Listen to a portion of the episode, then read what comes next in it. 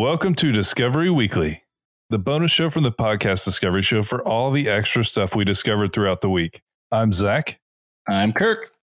And I'm Matt. Guys, did you have Tamagotchis? I did. Of course. I feel like everyone had Tamagotchis. And I think we were all kids at the perfect amount of time where we got to experience life and death through a Tamagotchi. And this was a huge thing. So the first one came out in 96. They have sold since then 82 million Tamagotchis. They, I think they've been selling them consistently. Like it kind of died as a fad over here, Hmm. but between 2010 and 2017, they sold another 6 million Tamagotchis. So it's not like fully dead. And I tell you this because now it's about to come back. Tamagotchi has just made a smartwatch. So there is the new generation of Tamagotchi is coming your way. So it's the 25th anniversary of it. And it's going to be essentially, it looks like a very pink or green large Fitbit mixed with a Tamagotchi. And you can lock in and get one of these things. It has an LCD touchscreen. It has 30 hours of battery life before needing to be recharged. You can make phone calls on it. You can Does it send still I haven't like heard crap? anything about that. Does it still look like crap? Uh, you mean the actual like interface of the like the Like little the guy? Bit, yeah. Yeah, I mean it still isn't. It's not like you're playing on an iPod or anything or an iPad or a iPhone or any of those great technologies. That's what I was wondering. When you said there was 30 hours of battery life, usually that means it's like black and white, like Kindle Paperwhite is what you're going to no, be using. it's it's stepped up from what we are used to, where it literally was like someone drew a line with a I pencil and that was it. Like, yeah, no. I don't know. Um, but yeah, it's it's very soon. So right now, between June seventeenth and July second, the first people are going to be getting their new Tamagotchi watches. So you you entered for a lottery for these, and they would choose the, who the winners were late this month, and then for everyone else, it goes on sale November twenty third, but it is seventy dollars. So Ooh. something to keep in mind if you want to save up for your Tamagotchi, uh, you can do that. You can Are also they- purchase additional smart cards for ten dollars. Are they just called Tamagotchis? Because they It really like- missed out on calling them Tamagotchis. Watch. Mm. I don't know if I think it is a Japanese country, uh, company, so they would have a hard time being yeah, like well, figuring out Japan, you're puns. dropping the ball, not uh, learning, not learning watch. I didn't know it was English. Bandai that made it. Those are the Power Ranger people. Yeah, it looks like they're calling it Tamagotchi Smart. Um, oh, Also, they have an ad on this thing that you said. Did you watch the video? no, It's just a bunch of pretty Japanese girls jumping out of an egg with those on the wrist. There's nothing about the watch. No, but I wanted really- to see the watch in action. the question is, do you want to buy it more or less now? no, I I I want to buy it less. I, I was wanting to see what it was because it seems like something my daughter would be into because she's into like that whole kawaii thing, you know, the cute little things. And Why? there's a place for that. Kirk is definitely enough into uh, anime to know what kawaii is, but yeah, it's kawaii like just means like super cute. Like Pikachu is kawaii. oh. Um, like hello, Hello Kitty. Hello Kitty, Me. like those things that you see them, you see them, and you and you're like, oh, that's cute. Yeah, It's kawaii. Okay. Matt Yeah, Kawhi so Walker me- over here. Yeah, I see. exactly. You Okay, no, I get it now. He does look exactly like Pikachu. understand. but yeah, I just wanted to let everybody know you can uh, you can go back in time to when you were a, a child Wow. and had a little Tamagotchi that you would at some point forget about and then kill and then feel strange emotions. I have filled that. hole in my soul with real children. I don't need. Uh, I, I mean, need a It's a dangerous game. If you forget to feed your children, it's it's a different problem. uh, it, it, as, as a father, it's not a matter of feeding your children; it's giving them something they'll eat. It- It's most of the time because after I don't like that, Daddy. Do uh, well, you'll get hungry enough; you'll eat it eventually. do did Furbies die? I'm sorry. Yeah, like in general, Nah, Like like, as did a- they did let's they let's No, like if you didn't take care of them, did they die? I don't think so. I think they just talked. think A lot they and were no, I think they ate the souls that were like trapped in the universe, and then they Yeah. would reanimate. Well, that's that's how the souls get out of purgatory. Yeah, no, I think it was Furbies. We did have a haunted Furby at one and yeah, it was me a- too. It was a thing between me and my brothers because my youngest brother got a Furby, and he really wanted it. And to be fair, it was the time when that was like a thing. Furbies were a thing. oh yeah, but he really best. wanted it and so he got it and we were really rough on all of our toys and so Yeah. it was immediately destroyed essentially. But even without a battery pack the furby would still like talk. And so it was making noises all the time and eventually i think we had to rip out like all of the internals of it. Like we ripped out like whatever the speaker was that was making the noises. We ripped out everything. But we kept the abandoned carcass of the furby. Oh, and for a really long time as adults like through college and everything we would we would the game was you would hide the furby somewhere in the other person's house. And so like you would just find it at some point. And then once you had it then you got to pick one of us to like go hide it in, in our house. But It's like the ring.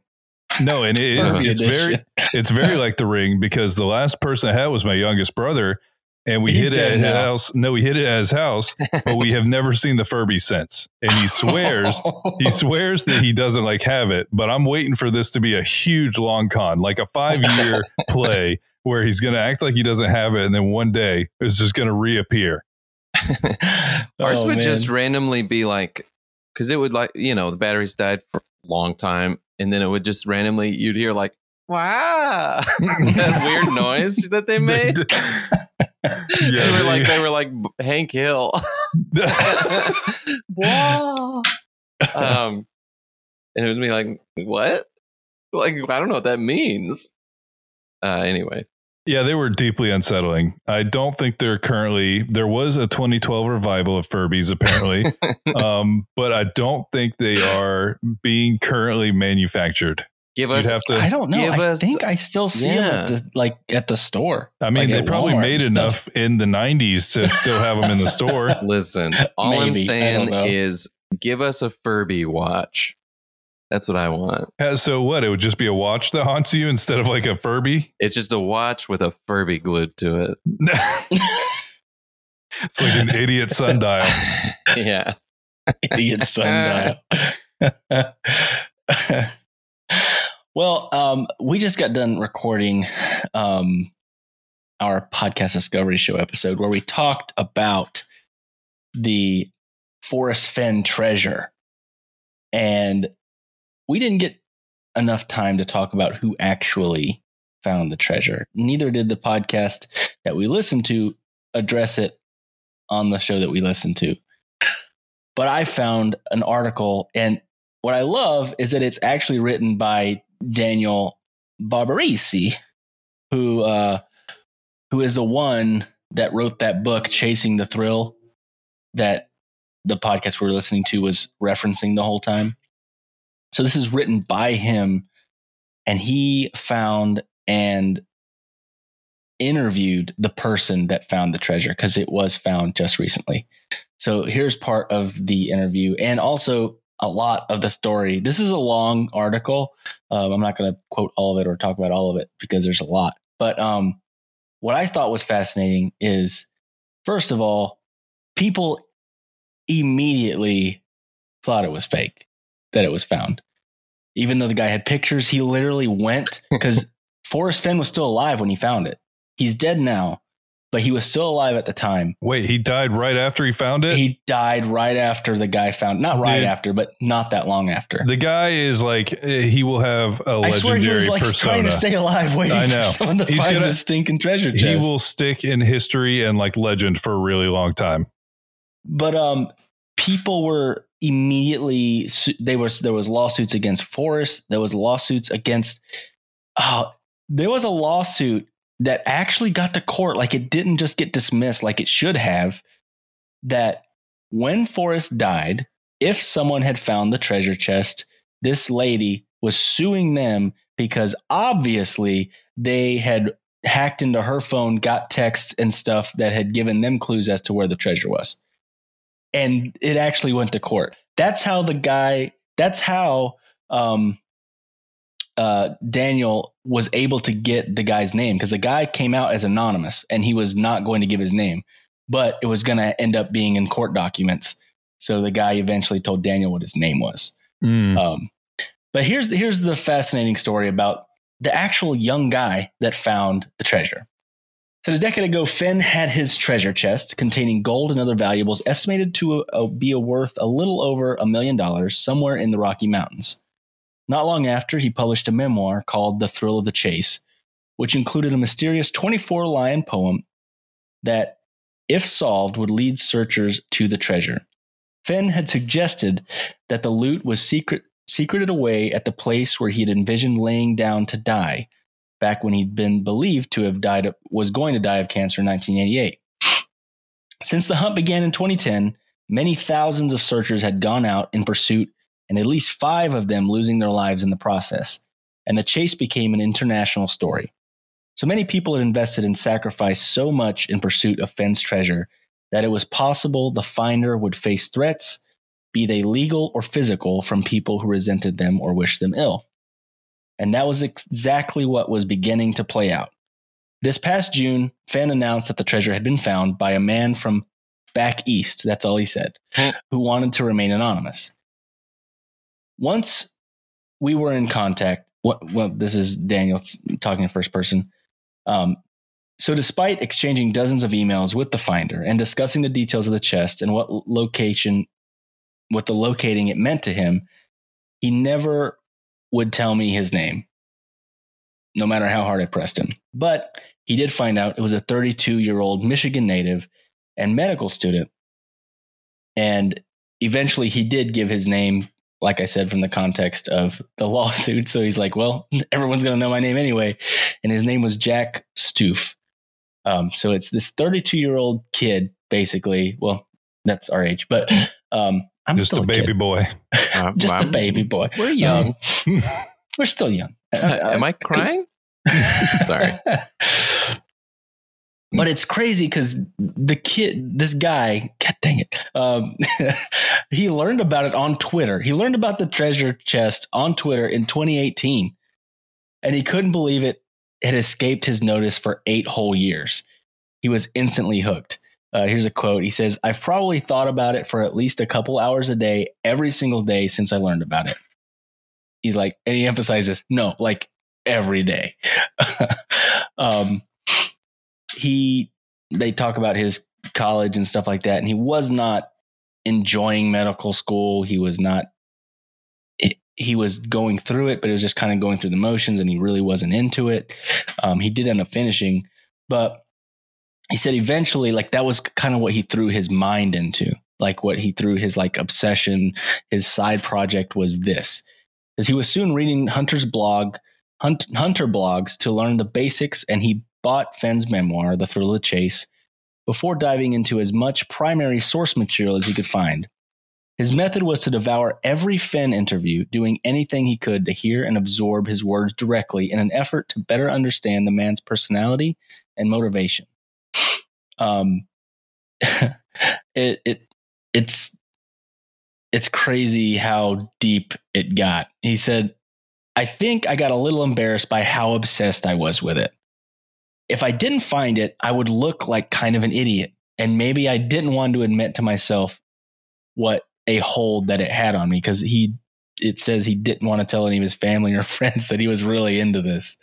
Um, and can you imagine some of these people that had devoted much longer than him?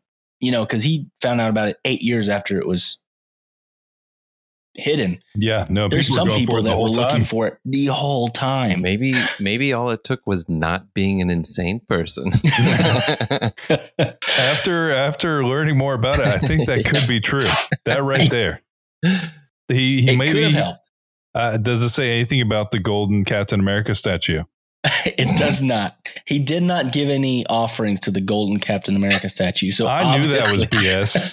that wasn't actually helping people uh, in their pursuit of the chest. They acted convinced about it though. okay, if you had to offer something up to the golden Captain America statue, what would you offer? I don't know Thor's hammer. Like it's I would I would have a really hard time taking that thing seriously. They painted a Captain America statue. Like yeah, I mean, as far as like if you're gonna make some weird idol, like at least like commit a little bit. Have somebody like sculpt something new. Don't just take a Marvel character. They're I love how I've seen Forrest Fenn. He's just a l- nice little old man. It's not. He doesn't look like Captain America. it's not like this guy. it's is, all about the imagination. wow. Um, yeah. Uh, but he ret- he retrieved the chest on Saturday, June sixth, 2020. Dude, he Wow. only found this chest in 2020 in June. And it was found in Wyoming. He didn't give the exact location. He says he's not going to. Um, that is the one thing he has been able to keep secret. Um, Why though? he has a few reasons, and we'll get to it in a second. Okay. Says he and then he began the long drive down to Santa Fe to deliver to Fenn that same day. That evening, news of the find was already beginning to come out, as Fenn believed it must. He said, "We," sh-, Fenn said, "we should let searchers know as soon as we have it." Stoof said Fenn told him. Um, but controversy quickly swirled as many hunters, unsatisfied with the lack of disclosure, decided this meant that something nefarious was afoot, that Fenn had never really hidden the treasure, or that he had unilaterally ended the hunt without a real finder.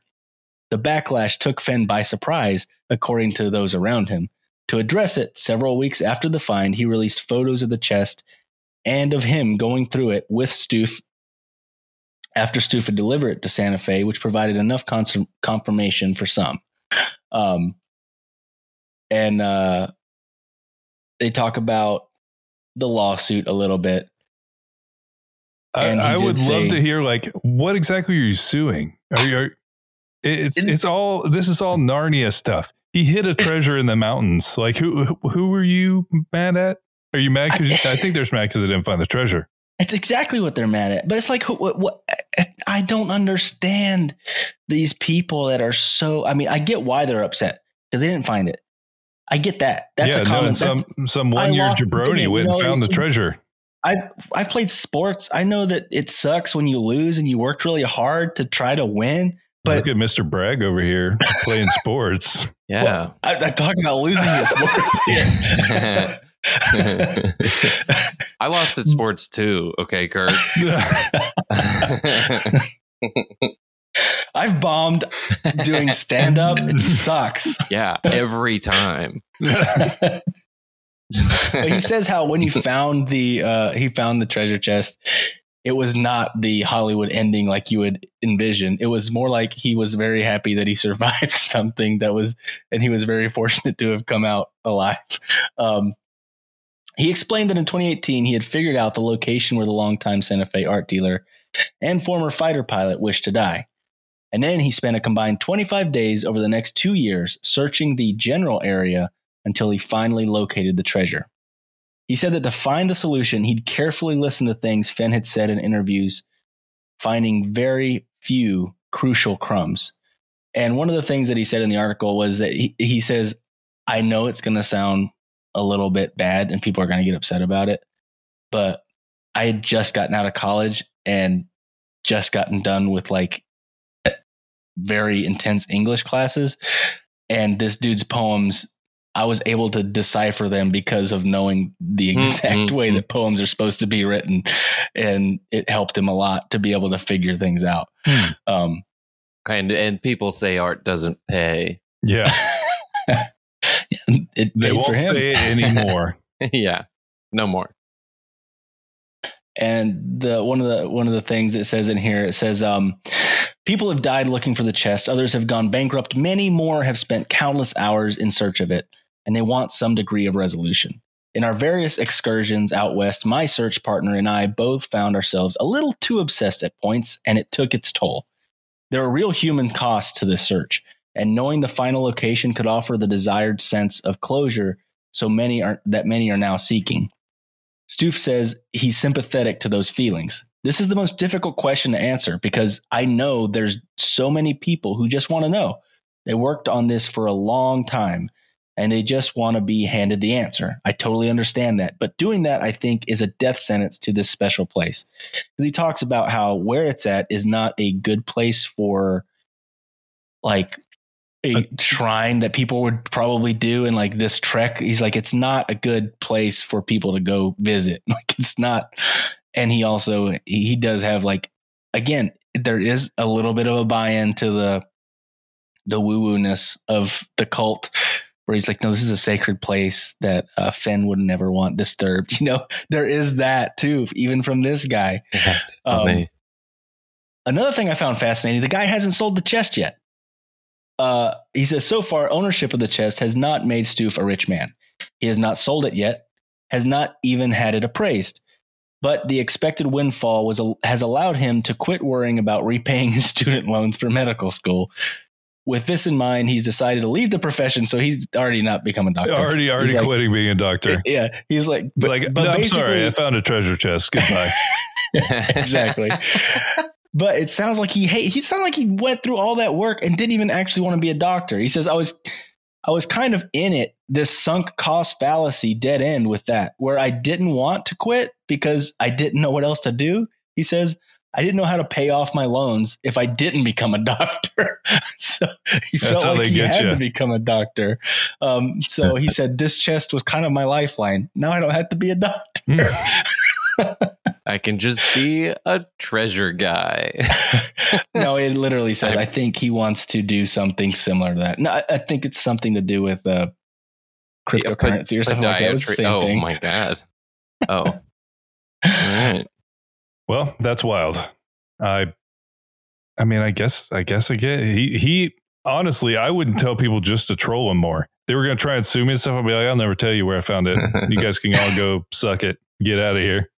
I can't believe that there was a woman trying to sue him, saying, "If you found it, obviously you cheated and you got my cell phone records and found it because of me." Oh, which makes- oh, okay. Well, I'm wondering. I wonder if at some point they're going to make him say where he found it to like disprove that stupid lawsuit. I, I don't know. He's like, I- your your dumb text messages were wrong. But here's the thing: if that's how he found it, why didn't she find it? Like that's Also what a I don't get about question. a lot of these things. It's like, okay, you lost. Boo hoo. It's No, a I- treasure chest. It's a treasure hunt. There's more than one people looking for it. Like you, one person's gonna find it, or maybe a small group of people are gonna find it. But get over it. You know, They Get can't. over it. They can't. They just it is really can't. cool. I really love the story though. The story that this guy did it, and to find out that it did exist. There was a treasure chest. Like Supposedly, according to Oh, this God. idiot. it's just to get you off the trail, my friend. All right, y'all want to figure out a way to sue him because he's got money now. No. so we can find a way to sue Sure him. don't. I don't even know what, America. I don't even know what I'd sue him for. But like for finding the treasure, I don't know. Just send it up the line. Figure out how to get it. well, I would sue him uh, for the same thing, but I would. Uh, all I'd want is one treasure chest. no damages, just one treasure Just chest. give me the treasure, man. Just Try give it to me. Sneak that into the jury. They're like, "Well, that seems reasonable. it's not money." um, speaking of people that need to get the heck out of there, um, how was that one? Was that one good? Who, was who is dynamite. speaking about that? Uh, well, uh, let's. Uh, so, like, here we are in court, you know, and uh, these guys are Get like, "Let's outta get out of here." and so, one person's thinking they should leave. Um, Oh, I they're- I Get get. Yeah, now we're there. There we go.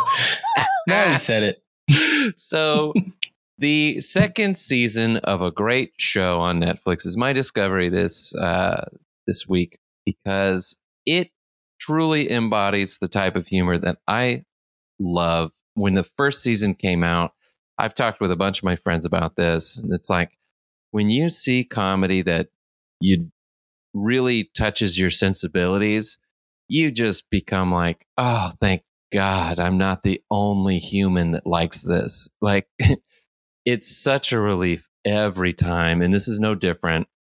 so the second season came out of I Think You Should Leave, a show on Netflix uh, that is written and performed by Tim Robinson. Tim Robinson wrote at SNL um, and uh, had a show called The Detroiters that was uh, a short lived show on Comedy Central. And um, the new season is great. I've already watched all of it. I watched it the night it came out, um, which I guess was July or uh, no, it says April. Oh no, no, no. Sorry, it was July sixth. Um, it's great, great season, and to kind of commemorate it, I, I have a little GQ uh, interview with Tim Robinson that was. How would you uh, describe the show? I've never watched it, God. Um, or the the humor in general. I guess. Okay, so it's very uh hard to explain. Um they're really it sounds dumb because this is almost a cliche at this point, but it's very smart about being very dumb. And vice versa. It's very dumb about being very smart. It's and and the, the interview will clear some of that up Okay. Okay. but but basically the the idea of i think you should leave is characters that are in circumstances where they could just dip out and be like whoa but it's all about doubling down on your idiocy and like these humiliating and is embarrassing it moments? Is it like I I, I Yeah. don't have any reference for the yeah show. it's sketches um Mm. uh, from what I understand, the first season, a lot of them were actually from his time at SNL, Mm. and they just got pulled because they were not really mainstream sensibilities. But since then, it's just like been super lauded, and uh, it's just all the praise to this show. Um, but in this interview, the the guy interviewing Tim Robinson says he's wearing this gold watch, and he's like, "You think this gold watch is too much, or whatever?" And he goes through this whole thing about how he's like, "You know what? I should be allowed to wear that watch, just like that guy in that sketch should be allowed to wear that hat." And if you've seen it, you know what that means. But it's basically these weird, embarrassing moments that you come come to. Um, he says we find ourselves fascinated with people digging themselves in holes to save face on something small that ended up making themselves look stupider. The idea Hmm. of tripping, and then your first instinct is to look back and be like, "What the fuck's wrong with this floor?" I've been there. yeah. Oh yeah. And it's like, yeah, why would what like there's this there's a sketch that involves uh and what he calls piss dots on your pants when you Mm, uh, gotcha. you know, you guys know. Us guys No, know. what are you talking about? it's like when you don't I'm kidding. I know what you're Okay. talking about. You don't have to explain. uh, okay, all right, because I'd explain it because I know them intimately. No, but basically, no, no, no. Uh, but but basically, the uh, the show is all about that, and it has um, it has uh, Bob Odenkirk's in this season, season and uh, Tim Heidecker's back in it, and a bunch of the same same faces. I will say this season seems to have more of an arc than the first season, so it's kind of fun to watch. It's kind of about so that idea of people doubling down on their idiocy and like this dumb like where they don't have to. This season seems to more be like a more existential take on that where it's like Hmm. there's this whole skit about how he this baby doesn't want to be held by him and he he basically says like oh it's okay it's just the baby knows that i'm a huge i used to be a huge piece of shit and it's like everyone's like no what? And it's just and it goes from there but it's it's such a fun time but it really does have this existential moment especially at the end um, of almost each episode. But in this in this article also i just want to point this out. Because it's so great and i always feel like it's important to point this out he uh he didn't think it was going to be great and still is worried that it's not good Um, Mm. anyway, I love Yeah. Love pointing that stuff out. But uh, if you haven't seen it yet, oh my god, I it it's phenomenal and really really easy to binge watch. The episodes are like 15 minutes long, um, Oh. but it's my god, love these things. Yeah, I'm gonna have to check that out. Yeah, you I guys. feel like did we watch one of these together I at some think I forced you to. Uh, the, the first first episode of the first season with the res- gift receipt. Did I make yep, you watch gift that one? receipt. Yep, Oh we watched the gift receipt one. Yes, I Oh. have seen this. I thought I thought that that like premise was because it just it gets worse and worse the whole time. Yeah, It- yeah. Basically, that one for everybody listening. The premise is super simple, and- but again, it snowballs. But uh, a guy is give, getting gifts for his birthday, and he presents. Everyone presents theirs, and they're like, "It's a wreath," and it's like, "Well." If you don't like it, the gift receipt's in the bag. And then one of the guys is like, Yeah, if you don't like it, the gift receipt's in there. But you like it, right?